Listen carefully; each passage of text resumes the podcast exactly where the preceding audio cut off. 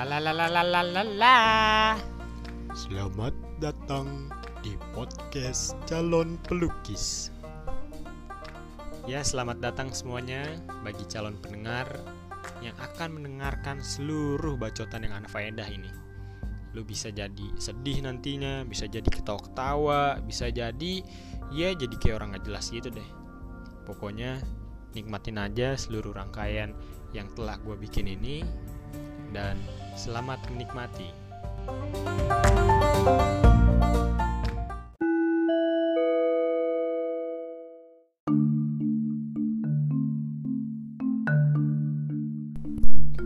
Oke, selamat datang di podcast gua.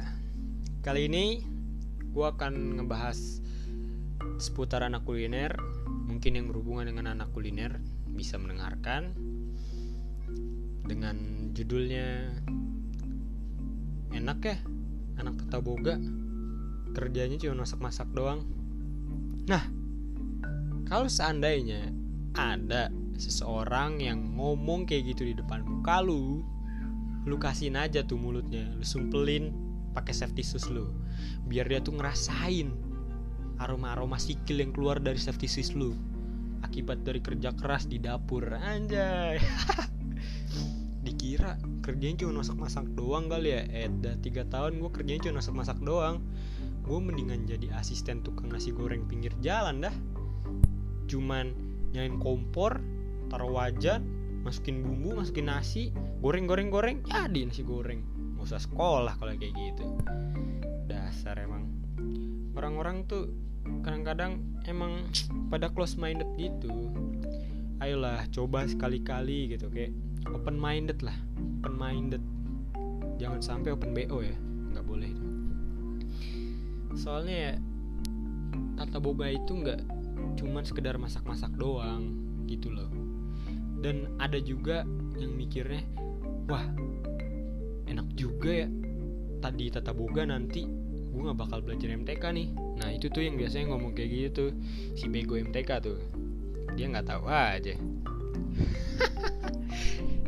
di tata boga tuh MTK emang cuma satu nggak kayak di SMA ada dua SMA min eh, SMA minat. Matematika minat sama matematika wajib. Di, di SMK emang nggak ada. Adanya tuh ilmu gizi. Pasti yang anak tata boga nih pada tahu dong ilmu gizi itu apa? Ilmu gizi itu wah benar-benar tuh susah dah. Kepala gue udah kayak pengen kebelah jadi dua. Ah gila kalau misalnya dibilang lebay ya emang kayak gitu sih kenyataannya. Mau gimana lagi ya? Lu bayangin aja nih ya. Anak bayi angka kecukupan gizinya harus gue hitung men. Supaya apa? Supaya gedenya nanti kagak kekurangan gizi. Kagak kurus kering kayak gue ini kagak cacingan gitu loh. Ibu hamil gitu gue juga harus ngitung angka kecukupan gizinya. Sekian sekian berapa ini? Kalau makan sore berapa makan malam berapa makan pagi berapa snacknya berapa? Gila nggak lo ini tapi khusus untuk ngamilin dari anak manusia ya kalau anak setan gue nggak tahu tuh hitungannya kayak gimana. Terus juga selain ibu hamil ada juga kan uh, lansia. Pada tahu dong lansia lanjut usia itu yang nenek kakek kakek loh yang bau tanah itu. Lu bayangin aja kakek kakek nenek nenek harus dihitung juga gizinya kan. Ngapain coba gitu? Kalau misalnya kita pakai ya otak aja gitu. Ini bagi yang orang males ya kayak gue ngapain juga sih dihitung-hitung gitu loh. Nenek gue aja nih udah tua ya udah dia tinggal makan apaan? Beras raskin men beras pembagian. Udah nggak usah segala pakai gigi-gigi berapa. Penting mah makan. Perut kenyang udah deh. Gitu kan. Emang kadang-kadang tuh rumit. Aja hidup tuh rumit nggak ada yang mudah kan. Jadi balik lagi. Di tata boga nih gue kasih tahu kepada kalian semua yang di otaknya anak tata boga stereotipnya itu adalah hanya sekedar masak memasak lu itu salah besar men. Karena di sini itu kita mempelajari yang tadi gue sebutin ilmu gizi. Kita juga belajar tata hidang. Tahu kan tata hidang? Tata hidang itu pelajaran uh, cara melayani tamu gitu loh.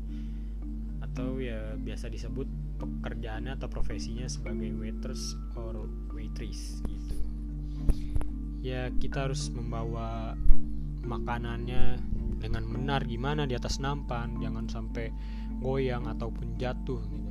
Kita harus belajar karena ada konsekuensinya. Kalau misalnya kita nggak bisa ya kalau misalnya lu tremor lu mak itu makanan yang lu bawa itu bisa jatuh ke bawah. Uh, malu malu dah lu diliatin satu tamu di restoran tuh terus juga selain tata hidang ada pelajaran namanya PBM pengolahan bahan makanan kalau nggak salah. Di situ itu benar-benar belajar basic banget. Di mana kita tuh belajar bagian-bagian daging kita belajar bagian daging sapi gitu kan. Yang kalau misalnya lulu doang nih taunya cuman apa ya namanya tuh uh, rendang. Rendang tuh. Tapi lu nggak tahu kan bagiannya bagian apa tuh rendang? Nah sama gue juga nggak tahu. Terus juga ada bagian daging dari kambing. Terus juga ada bagian dari ayam. Terus juga ada bagian dari ngutang terus nggak mau bayar. Yaitu adalah bagian daging babi. Jadi di PBM tuh banyak pelajarannya. Basicnya mengenai ya bagian-bagian tentang hewani gitulah. Tapi untuk serangga enggak ya. Ya kali lu makan serangga lu sebagai makanan pokok enggak juga kan ya. Terus selain bagian daging di PBM juga mempelajari hmm, rempah-rempah kita mempelajari rempah-rempah dan bumbu. Lu bayangin aja rempah-rempah dan bumbu yang dipakai di masakan Indonesia itu benar-benar banyak men. Kalau misalnya lu nggak tahu tuh macem-macem jenisnya udah lu lu lu nggak bisa buat apa-apa. Kalau lu mau instan ya lu tinggal beli bumbu sajiku aja tuh. Bumbu apa namanya? Nggak tahu deh itu yang instan nggak usah pakai bumbu rempah-rempah gitu. Padahal makanan yang enak itu ya emang dari bumbu dan rempah-rempah. Semakin banyak rempah-rempah itu semakin enak makanan itu kalau menurut gua. Terus selain PBM juga ada boga dasar. Di boga dasar ini kita emang mempelajari masak memasak emang intinya itu. Tapi kita nggak langsung terjun ke dalam masak memasaknya karena kan pasti setiap orang sebelum masak memasak itu harus prepare kan? Nah prepare itu atau persiapan itu terdiri dari ya memotong. Kita itu harus hafal dengan macam-macam potongan. Dari mulai potongan sayur misalnya kita mau buat sop gitu ya atau yang buat makanan dari sayur-sayuran kita harus hafal tuh potongan sayuran. Terus juga misalnya kita lauknya mau dari hewani kita juga harus hafal potongan-potongan daging gitu. Karena motong itu nggak sekedar motong men. Anjay. Gila bahasa gue berat banget. Motong itu harus benar-benar ada jenis dan ukurannya. Misalnya ada jenis jardinier. Jardinier itu ya gue contohin aja nih salah satunya. Ini bentuknya kayak balok panjangnya itu ya 4 sampai 6 cm terus ketebalannya juga eh, satu uh, cm ribet kan? Terus juga selain potongan sayuran potongan daging kita juga harus bisa yang namanya bikin garnish. Pasti lu lu pada tuh yang awam nggak tahu nih garnish nih. Gue pengen ngetawain aja. Garnish. Garnish itu uh, gimana ya gue ngejelasinnya? Garnish itu sebuah hiasan. Sebuah hiasan kali ya biar lu pada mudeng nih. Sebuah hiasan yang diletakkan di dalam makanan gitu. Fungsinya supaya apa? Supaya menarik. Supaya menarik dalam penglihatan kita. Atau bahasa kerennya eye catching. Yo man. Eye catching eye catching. Misalnya lu pernah pada lihat kan apa namanya kayak kulit-kulit wortel, kulit-kulit timun habis itu digulung-gulung-gulung terus diletakkan gitu kan di ke dalam makanan. Nah, itu yang namanya garnish. Habis itu kita di Boga Dasar juga mempelajari bumbu-bumbu dasar.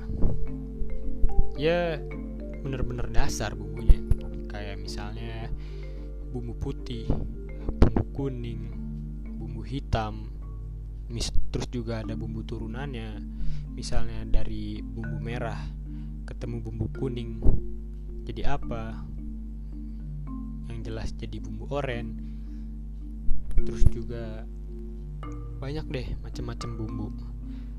Yang di sini kita memang benar-benar belajar dari dasarnya. Itu biasanya pembelajarannya lu bisa dapetin di kelas 10 terus lanjut lagi sama yang namanya uh, harus ngapalin suhu-suhu saat pembuatan kue dan roti gitu. lu pikir masak cuman sekedar masak doang? Enggak men. Gila lu. Cuman sekedar masak doang? Ya gila men. Gue udah bilang tadi kan tukang nasi goreng juga bisa itu tinggal lu beli 13 ribu tuh kenyang perut lu. Kagak. Kita juga harus ngapalin itu yang namanya suhu tuh. Saat pembuatan kue dan roti. Beda kuenya beda rotinya beda juga suhunya. Jangan salah sangka lu. Sampai sekarang. Gue juga kagak begitu apal men. Yang penting itu pokoknya bagi gue tuh gue harus ngeliatin terus ini roti atau kue yang gue bikin. Kalau misalnya emang udah ngembang atau udah coklat ya udah gue keluarin. Pokoknya suhu yang gue patokin itu biasa itu 180 lah. Nggak muluk-muluk lah. Nggak usah banyak-banyak lah. Ngapain sih banyak-banyak? Ntar yang ada gosong. Kita ambil rata-rata tengah aja 180 tapi jangan diikutin ya. Karena ini ajaran sesat nih. Ini kalau misalnya kata guru gua nih ini adalah cara setan. Jangan diikutin deh. Terus apalagi ya hmm, kita itu belajar oh macam-macam minuman. Dari minuman koktail terus juga ada mocktail. Pasti lulus semua nih. Minuman taunya cuma ini doang kan? Amer kalau nggak ar arput arput dasar gembel lu.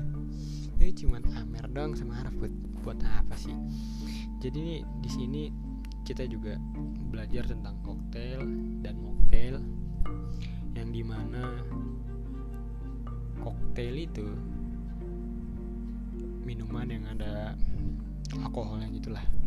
Nggak baik buat lu anak kecil tuh yang polos-polos tuh yang di bawah umur yang belum ada KTP janganlah jangan yang ada lu nanti pas minum muntah.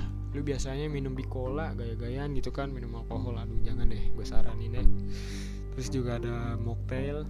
Ini nggak ada alkoholnya paling cuman soda doang. Ya kayak minum-minum bir awe gitulah bir awe tau nggak lo yang rasanya kayak geliga gitu. Ih gak suka gue nah oke. Okay, gue rasa cukup penjelasannya.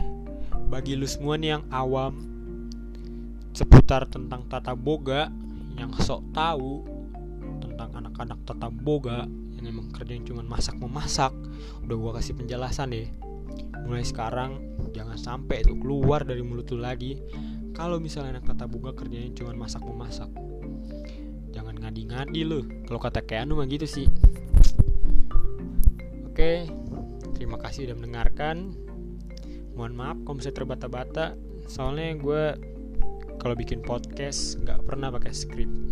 Yang keluar dari otak gue aja. Dadah.